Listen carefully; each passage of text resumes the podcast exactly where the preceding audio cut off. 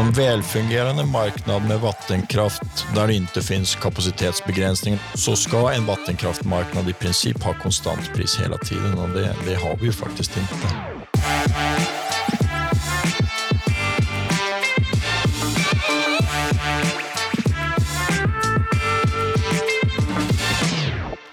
Du lyssnar på Ekonomerna med mig, John Norell och Jakob Lundberg. Och eh, idag ska vi prata om elproduktion och då har vi en gäst som är tillbaka. Thomas Tangerås, välkommen tillbaka hit. Tack så mycket. Ehm, och jag upprepar igen, då, du är ju docent i nationalekonomi och eh, jobbar på IFN kopplat till eh, Stanford och Cambridge. Det stämmer. Eh, när jag nu, nu sitter vi här i Stockholm på Timbros lokaler och vi har lamporna tända. Vart kommer elen som vi använder? Var kommer den ifrån? Ja, det är svårt att säga. Den kommer ju överallt ifrån så att säga. Därför att eh, det går inte att särskilja. Det är, det är inte så att om du köper vindkraftsel till exempel att du får vindkraft. Du får ju ett urval av all den elen som, som produceras av dem. Eh, det elektron, elektromagnetiska fältet som skapar den energin som du konsumerar, den är ju liksom en produkt av allting som sker. Men den kraftproduktion som finns här i närheten, det är det här kraftvärmeverket i Värtan och andra kraftvärmeverk och så finns det ju kärnkraftverket i Forsmark. Ja, det gör det. Ja, alltså, alltså, vi har ett helt integrerat europeiskt elsystem. Sen är det ju naturligtvis så att, att när man fraktar el eh, över stora avstånd så blir det ju eh, energiförluster till följd av, av värme och sånt där. Så, att, så det finns ju förluster i samband med att transportera el, så det spelar ju roll. För Stockholms elförbrukning så är det bättre om du har ett, ett, ett kraftverk som är lokaliserat närmare Stockholm, som till exempel Forsmark, än att det är lokaliserat eh, i Frankrike. Precis, el är ju en unik vara på det sättet den är ju totalt homogen. Elen som kommer från vindkraft eh, är precis den är likadan som den som kommer från eh, vet, oljekraftverk eller sånt där. Ja, det kan man säga. Den energi som skapas är, är ju densamma. Så att säga. Ja.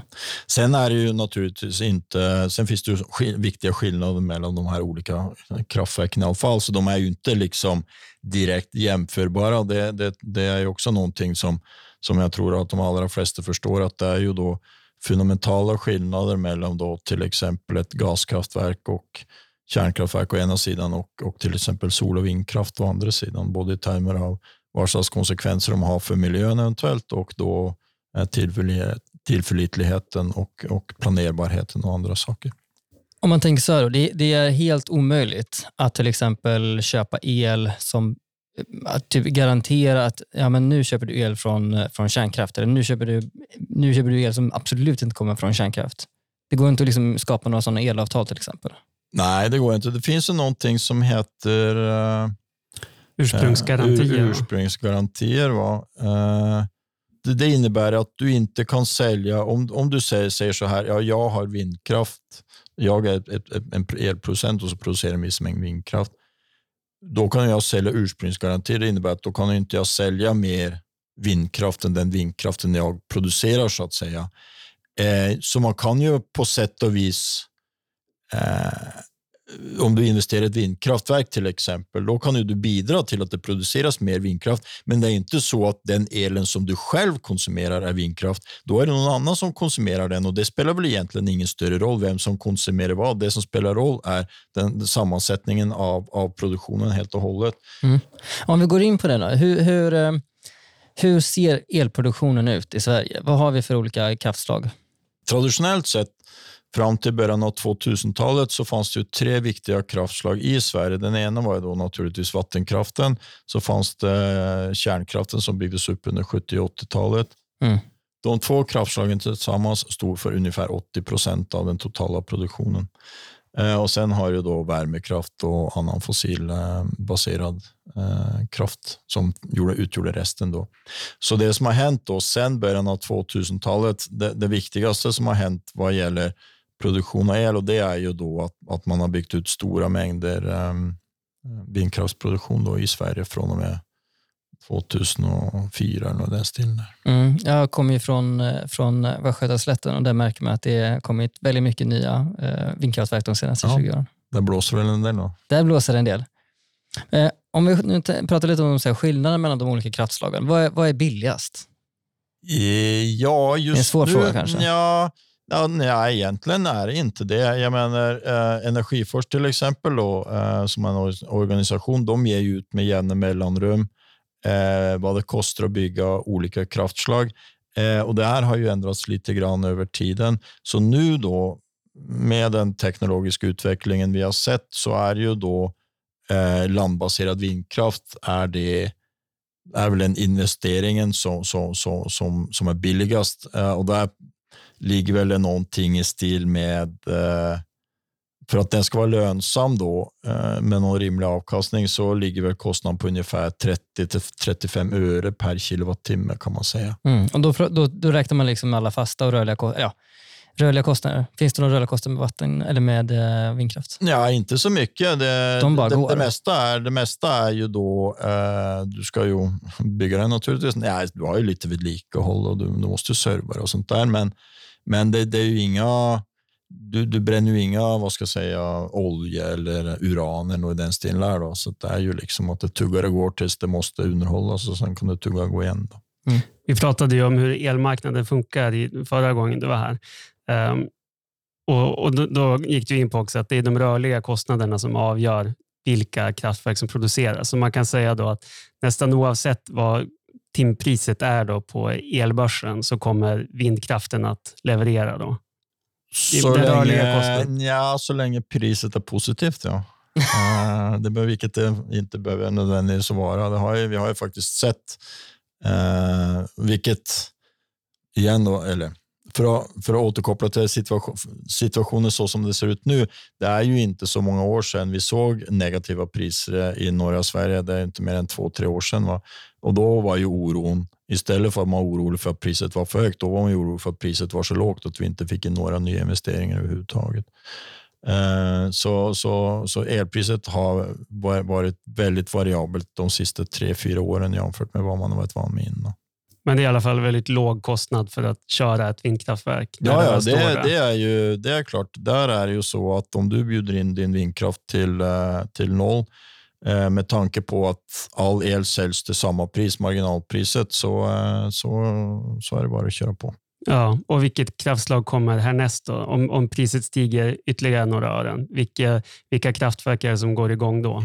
Ja, alltså grundplåten i den svenska energiförsörjningen det är, ju, det är ju kärnkraft och vattenkraft. Och kärnkraften ligger väl då med en rörlig kostnad på mellan 15 och 20 öre per kilowattimme. Va? Det är ju liksom det de ska ha för att kunna täcka sina rörliga kostnader. Sen har ju de eh, tidigare haft enorma investeringskostnader då, som, som säkerligen för de allra flesta kärnkraftverken är avskrivna nu. Då. Men om du ska bygga ett nytt kärnkraftverk till exempel så räcker det inte med 20 öre per kilowattimme för du har ju höga kapitalkostnader som du ska ha eh, täckning för. Så då ligger väl då uppskattningarna någon... Och, det, och kärnkraft är ju, är ju ett av de kraftslagen som är otroligt svårt ehm, att, att uh, göra beräkningar på hur mycket det kostar att bygga därför att det byggs väldigt få av dem.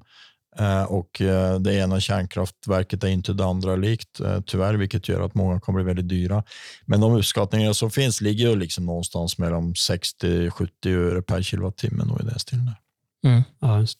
Så, så, så länge priset är mer än noll så kommer vindkraften alltid att, att eh, generera el. Och Sen så har vi också eh, kärnkraften kommer generera el så länge den eh, priset är över, Mm. hur mycket sa du? 20? Ja, 20 öre per kilowattimme Mm. är, väl, är väl då det, det Och Sen har vi lite mer efterfrågan och då höjer priset ännu mer. Mm. Eh, vad, vad är nästa kraftslag som sätter igång? Ja, eh, innan vi släpper kärnkraften helt Mm. så är det ju så att kärnkraften kan ju generera el även för priser under 20 öre per kilowattimme. De kan generera el även för negativa priser och det är ju grejerna för att det, om du ska stänga av ett kärnkraftverk och slå på det igen så kostar det pengar också. Så då kan det kanske vara bättre att driva kärnkraftverket med förlust ett dygn eller några timmar eller någonting sånt där. För då, om man då förväntar Ja, ja. sig då eh, att priset, säg att priset är väldigt lågt under helgen, så tänker vi nej, nu tuffar vi på här under helgen även om vi har ett lågt pris för att då behöver vi, då kan vi bara kicka igång igen och, och öka eller då producera på max då nästa måndag. Så, så kärnkraften är mer eller mindre igång eh, dygnet runt under hela sin livslängd, förutom för underhåll kanske? Ja, eller? det är ju underhåll på sommaren då, så, så, så de som är duktigast på, eh, på eh, att driva kärnkraftverk som är, eh, finnarna är ju, ligger ju topp när det gäller det där. Då. Och, eh, och de ligger över, eh, på vissa ligger upp i 93-95 procents kapacitetsutnyttjande, det vill säga att, att den installerade 93-95 procent av den installerade kapaciteten klarar att få ut av sin kärnkraft och det är ju väldigt, väldigt imponerande. Eh, sen har vi ju då eh, vattenkraften som vi pratade om innan och vattenkraften är ganska fascinerande för att det kostar ingenting att producera med vattenkraft heller. Eh, eftersom du bara släpper vattnet genom turbinerna. Mm. Men där är problem, eller det roliga med det är ju att det vattnet som du släpper igenom turbinerna idag kan du inte släppa igenom imorgon. Så kostnaden med vattenkraft är, är en alternativ kostnad Eh, rätt och slett. Det är ju att det du säljer idag kan du inte sälja imorgon. Så alternativkostnaden är lite grann vad förväntar du dig att du kan sälja den för imorgon? Och det kan ju variera från vattenkraftverk till vattenkraftverk. Det kan variera på vem som, vilka produktionsplaner man har, vem som sitter och styr, vem som tar besluten, hur bra de är på att optimera och så vidare. Och så vidare. Så det, är, det är väldigt svårt att avgöra. Um, men, men, men helt enkelt, de de fungerar lite som, som ett batteri. Alltså ja, det att, eh, när, när priset är för lågt, ja, men då kommer de att, att sluta eh, stoppa turbinerna och sen, och sen när det blir tillräckligt högt, ja men då kör de igång. Så, så det jämnar ut mm. priset över, ja. över dygnet då? Eller? Ja, men det man säger, på, på, en, eh, på en välfungerande marknad med vattenkraft där det inte finns kapacitetsbegränsningar, det kan ju också gott vara så att alltså, turbinerna har en övre gräns som gör att mer än så här kan vi ju liksom inte producera på en timme till exempel. Men i avsaknad av den här typen av, av begränsningar och andra begränsningar också, så, så ska en vattenkraftmarknad i princip ha konstant pris hela tiden och det, det har vi ju faktiskt inte. Nej. Eh, så det är, det är ganska intressant att notera att, eh, att, att skillnaderna i pris från timme till timme är så pass stora som de faktiskt är. Ja, det, det är intressant eh, eftersom att ja, men vi har ju fortfarande en, en väldigt stor del av elproduktionen är ju fortfarande vattenkraft. Det är väl nästan, nästan hälften, 45 procent. Ja, det stämmer. Mm. Och efter vattenkraften, då, vad, har vi, vad, har vi, vad har vi för nästa kraftslag? Ja, sen har vi ju då olika typer av um, värmekraft till exempel. Då. Uh, och där har vi um, fjärrvärme uh, som um, jag ska inte säga, jag är inte helt säker på vad, vad den variabla kostnaden är för det. För att det är ju en biprodukt av, av värme, så du har värmeutveckling som du använder för att eh, för att producera el, så det är väl lite oklart, men det är också en ganska effektiv och billig sätt att producera el på. Och sen längre ut då så kommer man till oljekraftverk eh, och sen så har du även då olika typer av gasturbiner och sånt där. Men eh, kraftvärme, vad, konkret, vad, hur uppstår elen eller hur liksom genereras el från, från kraftvärme? Och när du har ett kraftvärmeverk så kan du använda olika typer. Antingen kan du bränna sopor eller du kan bränna eh, olika typer av träflis eller något i den stilen där. Va? Och då, när du bränner de här träfilerna så skapar du ånga och då, då använder du då dels ångan direkt då till värmen. Sen så kan du också den här ångan då eh, driva turbiner som går runt och runt och runt och sen så producerar de el med hjälp av de här turbinerna. Ah, okay. Mm. För de flesta kraftslag är väl egentligen att de, det, det handlar om att driva turbiner? Det är det som kallas för termisk kraftproduktion. Det är att, att driva turbiner eh, med hjälp av ånga rätt och slätt. Va? Ja. Sen har du andra typer av mer mekanisk eh, elproduktion och då har du vattenkraften va, som också driver turbiner, men det är ju då eh, med hjälp av vatten som driver runt de här, ja, det förstår alla att, att mm. vattnet går genom en turbin och så går runt, runt. Och sen så är det vindkraft då, som de här propellerna som går runt och sen så altrar det energi också. Ja. Vi har inte nämnt solkraft, men det kanske är en sån liten del av eh, elproduktionen. Än så länge så är solkraften eh, väldigt, väldigt liten. Men, eh, Växande? Ja, det är ju. Sen någonting som jag tycker är väldigt intressant som man börjat se eh, de sista åren, det är ju då att elpriserna från att typiskt sett ha varit väldigt låga på sommaren de sista åren, och det är inte bara den här sommaren, det såg vi även för, för några år sedan, eh, att elpriserna faktiskt kan bli ganska höga eh, under sommaren också. Och Det är ju då av flera orsaker. Den ena orsaken är ju då att när du har högtryck, då är det inte så mycket vind heller, så då producerar ju inte vindkraften särskilt mycket el. Mm, okay. Samtidigt så har det varit, sommaren har ju varit den perioden på året där man oftast har stängt ner kärnkraft för underhåll. Just. Mm. Så, då, så även om efterfrågan just i Sverige typiskt sett är mycket lägre på sommaren än vad den är på vintern, eh, så har ju även då produktionen till, till dels också varit låg eh, och även så ner på kontinenten. Så då har vi ju sett då eh, ganska höga priser även på sommaren och då är det ju då när, om de här priserna då uppstår precis på varma, soliga sommardagar och då är det ju precis då som solkraften genererar som mest el. Så, så med tanke på hur eh, med utvecklingen i klimatet och hur elsystemet utvecklar sig så, så kommer ju då solkraft till att bli ett mer och mer attraktivt eh, sätt att producera el på eh, i Sverige i framtiden än vad det har varit förut. Mm. Samtidigt som då även solcellepaneler då har blivit eh, mycket billigare eh, de sista 10-15 åren också. Så det är absolut eh, eh, har absolut ett visst potential på sommaren, men det är fortfarande så Eh, på vintern och så, så är det väl kanske inte det man ska förlita sig på som, som sin primära kraftkälla åtminstone. Då. Och Det finns ju även sån här reservkraft som man kan slå på. Då. Så att Svenska kraftnät som har det övergripande ansvaret för elnätet, de äger de här stora ledningarna som går genom Sverige och de har då upphandlat bland annat det här eh, ökända Karlshamnsverket ja, som håller på och bränner olja. Mm. Och var, varför har de gjort det? Varför kan inte marknaden lösa det? Varför måste Svenska kraftnät ha ett, ett standby-kraftverk här?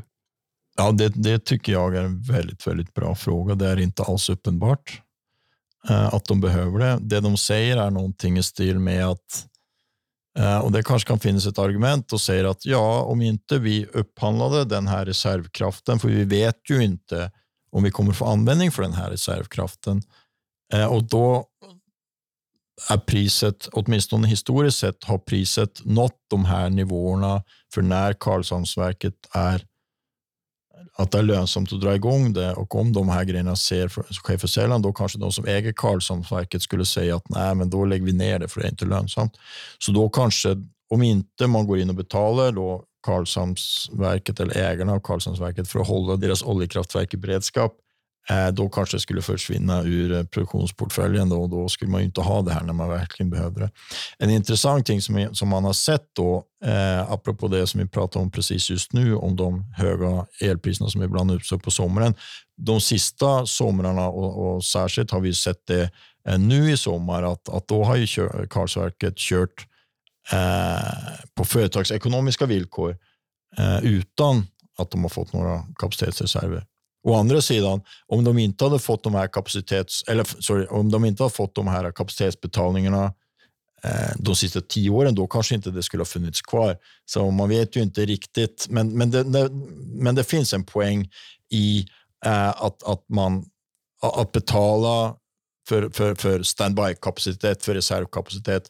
Och det gör man, och det gör man ju inte bara eh, med effektreserven. Det finns en annan reserv som faktiskt är mycket större än den och det är det som kallas för störningsreserven. Den är mycket, mycket större eh, än effektreserven och den består för det mesta av gasturbiner som står på olika håll i landet. Eh, och den var ju då ursprungligen upphandlad för att täcka bortfall av stora eh, enheter som särskilt, eh, särskilt kärnkraft. Eh, för att det, igen då, här är ju då Svenska kraftnät som har ansvaret eh, för att upprätthålla balansen i elsystemet och då är det ju inte bara små obalanser som händer. Det kan ju faktiskt vara så att stora enheter eh, ramlar ut ur systemet också och då måste Svenska kraftnät ta en plan för det här och då har de den här störningsreserven då som de bland annat kan använda för i det här syftet. Då. Men, men för det mesta så eh, räcker marknaden. Det, priset eh, fluktuerar inte så ja. mycket så att eh, reservkraften behöver tas i bruk. Men tanken är så att, att eh, för att det, när någonting eh, går åt skogen, att istället för att det ska bli svart i delar liksom av, av eh, landet, att man ska ha rullande blackouts eller brownouts, liksom, att vi bara stänger. Liksom. Nu, nu blir det ingen el till dig, så istället så har man upphandlat massor med kraftverk som inte står... De producerar ingen el för det mesta. Nej, alltså grejen är den att du kan planera, som vi eh, Eh, pratade om i, i förra eh, poddavsnittet. Eh, den här marknaden, elbörsen som klareras dagen innan. Eh, och Då kan man ha vissa produktionsplaner och de ser väldigt fina och flotta ut. Men, eh, men det kan ju gå upp till 36 timmar från dess att den här marknaden klareras fram till dess den faktiska leveranstimmen. Och en av de sakerna som kan hända är ju då att till exempel en kärnkraftsreaktor plötsligt kan få problem och måste stängas ner. Eh, och då hjälper det liksom inte mycket vad man kommer överens på marknaden. Finns det inte så finns det inte. Eh, och då måste du ha en backup-plan rent fysiskt och det är ju då eh, Svenska kraftnät som det är deras ansvar då. Och det är det de sköter. Mm. Och då är det olja och det är gas? Ja. Mm. Jag tänkte om, om vi du pratar ju lite grann om det här att politikerna har varit inne och stöttat olika kraftslag och sådär. Eh, vindkraften har väl varit den absoluta favoriten bland politikerna de senaste 20-25 åren. Eh, bland annat finns det här elcertifikatsystemet då, där man har ett särskilt subventionssystem till nya vindkraftverk som man har betalat genom elräkningen. Då. Vad, vad har det här fått för effekter, det här elcertifikatsystemet? Elcertifikatsystemet infördes ju 2003 eh, i syftet att öka andelen förnybar elproduktion i Sverige. Eh, och Det var ett åtagande som man, man gjorde då eh, från svensk del, eller snarare var det så att det var EU som satte på krav då till de enskilda medlemsländerna att de skulle öka eh, andelen förnybar elproduktion i systemet och det i sin tur var ju då eh, i samband med att man skrev ner och ratificerade Kyotoprotokollet och åtog sig eh, den här typen av eh, förpliktelser. Men i alla fall, så det, det var liksom eh, ett beslut om att man skulle öka den förnybara elproduktionen då. Eh, och då Eftersom det här då inte kom till stånd på marknadsmässiga grunder, det fanns ju inte den här typen av investeringar, så införde man ett stödsystem och det var det som man kallas för, för elcertifikat. Då. Och eh, kort förtalt så är det ju så att då är det ju så att elhandlare, då la man ju på ett krav då om att en viss andel av deras årliga förbrukning eh, skulle vara certifierad elproduktion. Så de var ju tvungna då att köpa kanske 15-16 procent. Det varierade lite från år till år eh, av deras förbrukning måste vara, så de var tvungna att ha certifikater då, som visade då att, att de täckte in då Eh, med förnybar elproduktion. Eh, elleverantörerna. Elleverantörerna, mm. ja. Och då, de, så, då köpte de ju de här certifikaten då av de här uh, nya elproducenterna av vindkraft och vad det var.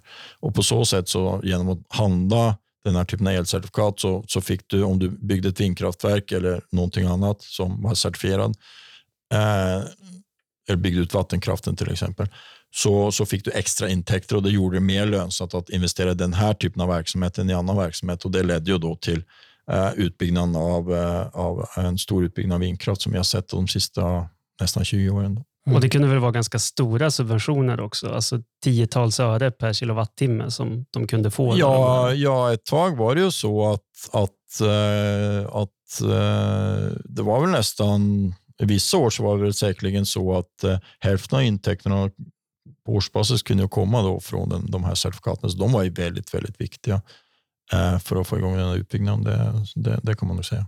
Men de finns i praktiken inte kvar nu i och med att man har byggt ut eh, den förnybara elproduktionen så mycket så att priserna på elcertifikat har i princip sjunkit till noll. Ja, det var, det, så var det ju. Dels har man byggt ut och så har kostnaderna sjunkit och så. Och då, det man såg var ju att, precis som du säger, att eh, ja, för ett eller två år sedan så började de här kostnaderna närma sig noll och då har, har ju liksom hela certifikatsystemet eh, är ju det överspelat så att säga. Nu håller man ju på att avveckla det och om du bygger, säg att om du bygger ett nytt vindkraftverk eller någon, eh, någon solpanel eller någonting nu i industriell skala, då får du inte certifikat längre. Så det har ju uppfyllt sitt syfte och är liksom avvecklat nu. Då.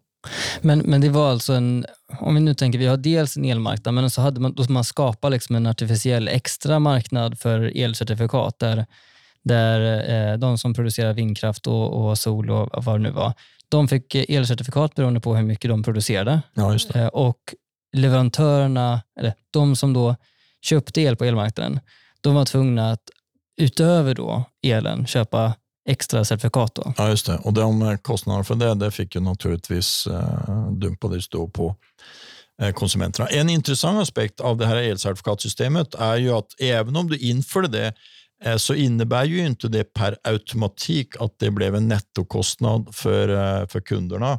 Och Det är ju för att det som händer när du då får in till exempel mycket vindkraft, då går ju elpriset ner va? för att du har väldigt låg marginalkostnad. Så att, så att även om kunderna, så att som enskild hushåll, då får jag den, hela den prissänkningen på hela min förbrukning. Va? Medan kostnaden för elcertifikaten det är ju bara på säg 15 procent av min förbrukning. Så även om jag då betalar extra för elcertifikaten så kunde det faktiskt vara så att, Att priset gick ner så mycket att konsumenterna Ja. faktiskt tjänade. Och de som På det förlorade, det var ju Ja. då andra kraftslag. Ja, det var ju de som stackarna som inte fick några certifikat. Då. Kärnkraft och vatten, fick de det? Eh, nej, inte storskalig existerande vattenkraft. Du kunde ju få, om du, om du byggde ut ditt system och, eh, och bytte ut turbiner och sånt där, så kunde man få visst stöd för det. Men, men de som har förlorat mest det är, ju, det är ju storskalig vattenkraft och så var det då kärnkraften. Då. Och I andra änden fanns det dessutom då en särskild skatt på kärnkraftverk och även på vattenkraftverk då, som avskaffades för ett par år sedan. Men när den var som högst så var ju det också en ganska betydande kostnad för kärnkraftverken. Så det är klart att det blev som, en, det blev som dubbelt där, att både elcertifikaten och kärnkraftsskatten slog mot kärnkraftverken. Ja, det gjorde det. Och, eh, och när de här besluten togs då kring 2014 att förtidsavveckla en del kärnkraft och en del av de reaktorerna stängde man ner inom några få år, eh, de första två. Eh, då låg ju elpriserna eh, helt nere på, på årsbasis på 20 öre och vi har tidigare sagt då att den rörliga kostnaden på på den typen av kärnkraft låg ju då på 15-20 öre. Och dessutom så var en del av de där kärnkraftverken, de fick ju strängare eh, säkerhetskrav efter, efter Fukushima-katastrofen. Så dels var man ju då tvungen att göra nyinvesteringar för att få lov till att producera vidare. Dels hade du en, eh, en särskild då e-, effektskatt då på kärnkraften som gjorde då eller bidrog åtminstone till då, eh, att eh, bolagen sa att nej, nu, nu har vi inte råd att driva de här kärnkraftsreaktorerna längre. Nu måste vi börja stänga ner dem för att de är inte olönsamma. Nej, de är inte lönsamma längre. Så även om man säger att eh, beslutet att avveckla eh, skedde på marknadsmässiga grunder, så jo, jo, men då fanns det någon som, någon som eh, bestämde reglerna för systemet och, och gärna ville att eh, det här skulle avvecklas i förtid. Alltså nedläggningen var, ju- var ju eh, en konsekvens av den energipolitiken som fördes. Då. Den energipolitiken gick ju då ut på att, eh, att gynna då särskilt förnybar elproduktion och, eh, och då, då är ju inte kärnkraft förnybar elproduktion så då ingick ju inte de i det här certifikatsystemet och då blev det lidande naturligtvis. Det är ganska få som äger elproduktionen i Sverige. Vilka är de stora kraftbolagen egentligen? De stora kraftbolagen i Sverige är ju då, eh, Vattenfall är ju störst. Eh, sen har du ju Fortum då, som är det finska eh, kraftbolaget och så har du E.ON också då, som är ett tyskt bolag. Och så har du Uniper som för det mesta ägs av eh, Fortum tror jag, så att det är lite de ägarförhållandena där byter runt lite. Så att, eh, men det är liksom de tre, fyra dominerande eh, producenterna i Sverige. Så det riskerar ju att det blir dålig konkurrens. Då. Det brukar ju kallas oligopol, en sån här marknad när det är ett fåtal aktörer och där flera av dem är så pass stora att de själva kan påverka priset.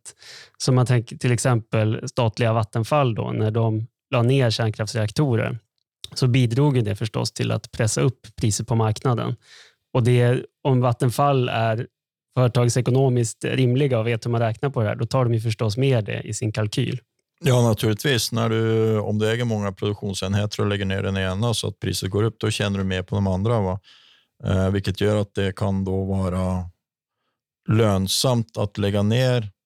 Även om det företagsekonomiskt skulle vara lönsamt att driva just den enskilda reaktorn vidare eller någon annat kraftverk för den saken skulle, det kan ju vara vad som helst. Det faktum att priset går, eller den konsekvensen att priset går upp på dina andra enheter, din andra produktion gör att det lik, likväl kan vara lönsamt att lägga ner um, en enhet. Mm. Men det är ju inte lönsamt ur ett samhällsperspektiv. Utan här har vi ett dominerande företag som utnyttjar sin marknadsposition. Ja, mark, alltså marknadsmakt är ju då eh, skadligt. Utnyttjande av marknadsmakt är ju då eh, oftast eh, skadligt för, eh, för samhällsekonomin för att det leder till ineffektiviteter. Va? Eh, som, eh, som till exempel då, om, man, om man lägger ner eh, kärnkraft som är ett billigt kraftslag att producera med eh, och ersätter det med annan dyrare kraftproduktion så blir det ineffektivt för då producerar du elen mycket dyrare än vad det skulle vara nödvändigt. Och dessutom så blir priset högre än, än, än vad det egentligen skulle ha varit, vilket då har negativa konsekvenser för kunderna. Och så, där. så, så utnyttjande av marknadsmakt eh, är ju då skadligt för samhällsekonomin. Däremot så ska man vara, vara noggrann med att påpeka att det inte nödvändigtvis är olagligt. Det är ju bara under vissa villkor utnyttjande av marknadsmakt olagligt. Och dessutom är det ju så att eh, enligt aktiebolagsstiftelse eller enligt aktiebolagslagen eh, så, är, så är ju då eh, ett aktiebolag skyldigt att, att maximera värdet på den verksamheten de har och då är det ju att tjäna mest möjligt pengar. Och om man då tjänar mest möjligt pengar på att göra saker och ting på marknaden så, så är man ju på sätt och vis skyldig att göra det. Och vi pekar inte på jag, Vattenfall heller. Nej, jag tycker att det är dumt att prata om ett enskilt bolag i det här fallet. Det här handlar om marknadsstorlek eh, också. Va? Eh, men den forskningen vi har gjort visar ju då, eh, ger ju då skäl för att argumentera för att vid vissa tillfällen så, så har man ju då eh, vissa bolag på den här marknaden har ju då eh, utnyttjat sin marknadsmakt för att ta högre priser än, än vad som är konkurrensmässigt. Um, och Samtidigt kan man säga också att den här typen av problem har också att göra med de här flaskhalsarna som vi diskuterade innan. Um, att när marknaden fragmenteras och delas upp i mindre lokala marknader så som uppstår när det är flaskhalsar i systemet så är det ju liksom, då kan du skapa vad ska jag säga, fickor av lokal marknadsmakt som gör då Eh, att det är lättare att manipulera priserna lokalt än vad som skulle vara fallet om du hade en stor integrerad marknad och alla skulle konkurrera på lika villkor så att säga. Därför att om jag befinner mig, om jag är en stor producent i ett elområde eh, och så finns det en annan stor producent i ett annat elområde och om det är så att det är en flaskhals mellan de två, ja, då, då påverkar ju inte jag konkurrensen i, i det andra elområdet och då Uh, och då blir den här lokala marknaden, då, eller båda lokala marknaderna, egentligen, blir mer känsliga för den här typen av strategiskt beteende. När du var här förra gången så pratade vi om hur elmarknaden fungerar och att man då som elproducent så får man betalt för den energi, den effekt som man levererar ut på marknaden. Eh, och Man brukar kalla det här att Sverige har en energy only market, alltså att eh, aktörerna får bara betalt för själva energin som man levererar ut på marknaden. Men det finns ju andra tjänster kopplade till elmarknaden som de då inte får betalt för. Man brukar säga att det här är systemtjänster. Kan du gå in lite grann på vad handlar de här systemtjänsterna egentligen om? När man säljer el på marknaden då är det en viss vad ska jag säga, volym eh, elektricitet, en viss mängd el som man producerar och konsumerar. Eh, men det finns även eh, kvalitetskomponenter på det här därför att du har ju ett fysiskt elsystem som ska vara stabilt eh, och, och fungera då. Eh, och då är det ju till dels är det ju så att för att hålla balansen i elsystemet så, så måste produktionen, alltså den mängden el som matas in på systemet måste hela tiden eh, nästan stämma överens med det som förbrukas för att hålla frekvensen i systemet konstant, som det heter. Och om det blir för stora avvik så riskerar man då störningar och avbrott. Så det är en sak. Så du behöver, behöver, systemet behöver frekvensstabilitet. Mm, det ska eh, vara 50 hertz. Ja, 50 hertz är den, är den nominella frekvensen i, uh, i hela Europa. Ja. Ja, så man ska byta riktning på strömmen då, 50 gånger per sekund. Det är det det betyder. Och Vem tar ansvar för att det verkligen ser till så att det är Ja, det är just Svenska kraftnät som har just, just det här systemansvaret då för att hålla frekvensen i systemet, att, att allting funkar. Sen finns det andra eh, stabilitetskriterier också. Det är ju liksom spänningsstabilitet, att, att, att spänningen då Eh, är konstant kring att det vi får ut är ju då 230 volt. Eh, och, och spänningsstörningar, det ser vi till exempel om spänningen går ner så ser man liksom att, att, lamporna, lys, att lamporna ah. lyser svagare. Det händer inte särskilt ofta eh, i Sverige. Jag vet inte om jag kommer ihåg att jag var med om det. Eh, men om du åker till utom, utomlands så är inte det särskilt konstigt. Det kan man säga i olika typer av länder. Det här är alltså väldigt viktigt för att elmarknaden ska fungera och det är Svenska kraftnät som är ansvariga för det här. Ja. Men det prisas liksom inte in i elmarknaden som den ser ut. Nej, det här är väldigt viktigt för att elsystemet ska fungera fysiskt. Eh, då behöver du den här stabiliteten och för att, för att vi som användare ska få den kvaliteten på elen eh, som vi behöver. Och och Det här är ju viktigt. Det, det finns ju många industriverksamheter där liksom den här kvalitetskomponenten är väldigt viktig.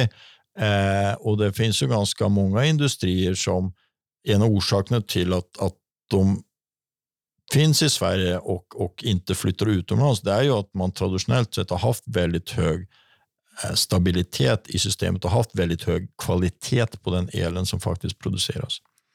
Eh, så det är en sak, så det är väldigt viktigt.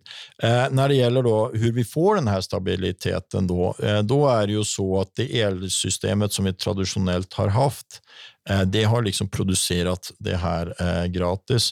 Och Då finns det för det första så finns det någonting um, som heter rotationsenergi och det är liksom att när du då till exempel när du börjar cykla, eh, det som händer då är att då bygger du upp eh, rörelseenergi då, eh, i cykeln. Så att om du då cyklade och när du väl har fått upp farten, om du då var i ett totalt vakuum, så när du då slutade att trampa på dina pedaler, då skulle du liksom bara fortsätta i konstant mm. hastighet framåt va, på grund av den här uppbyggda energin i systemet.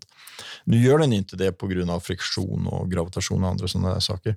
Eh, och samma är i systemet när du, de här stora som vi pratade om innan, då, de här eh, turbinerna, eh, turbinerna ja. går igång så skapar de då eh, rotationsenergi och då fångar de upp då om det finns små obalanser. Du kan tänka dig, du kan jämföra det med en oljetankare. Om du har en oljetankare, den är väldigt stor och väldigt tung och när den oljetankaren går, så även om då eh, motorn i en oljetankare, säg att den stängs av i två sekunder, så kommer man inte till att märka någonting för du har ändå så mycket e-, iboende energi i den här oljetankaren. Samma sak är det här. Har du mycket svängmassa i systemet, alltså roterande massa som går runt, runt, runt, så, så, så har de mycket rörelse eller rotationsenergi, då kan de fånga upp de här små, små obalanserna. Då.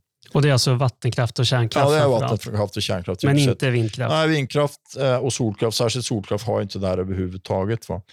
Och Det är ju någonting man tidigare fått gratis, nu läggs kärnkraft ner och det är ju också då någonting man är orolig för, då, hur man i framtiden då ska säkerställa då att man har då tillräckligt av de här typerna av systemtjänster. Och så finns någonting annat också då.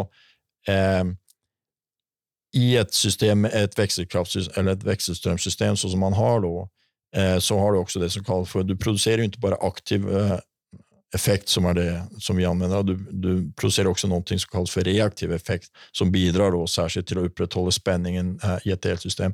Så, och, det, och det produceras också då med hjälp av de här växelströmsgeneratorerna som, som man använder.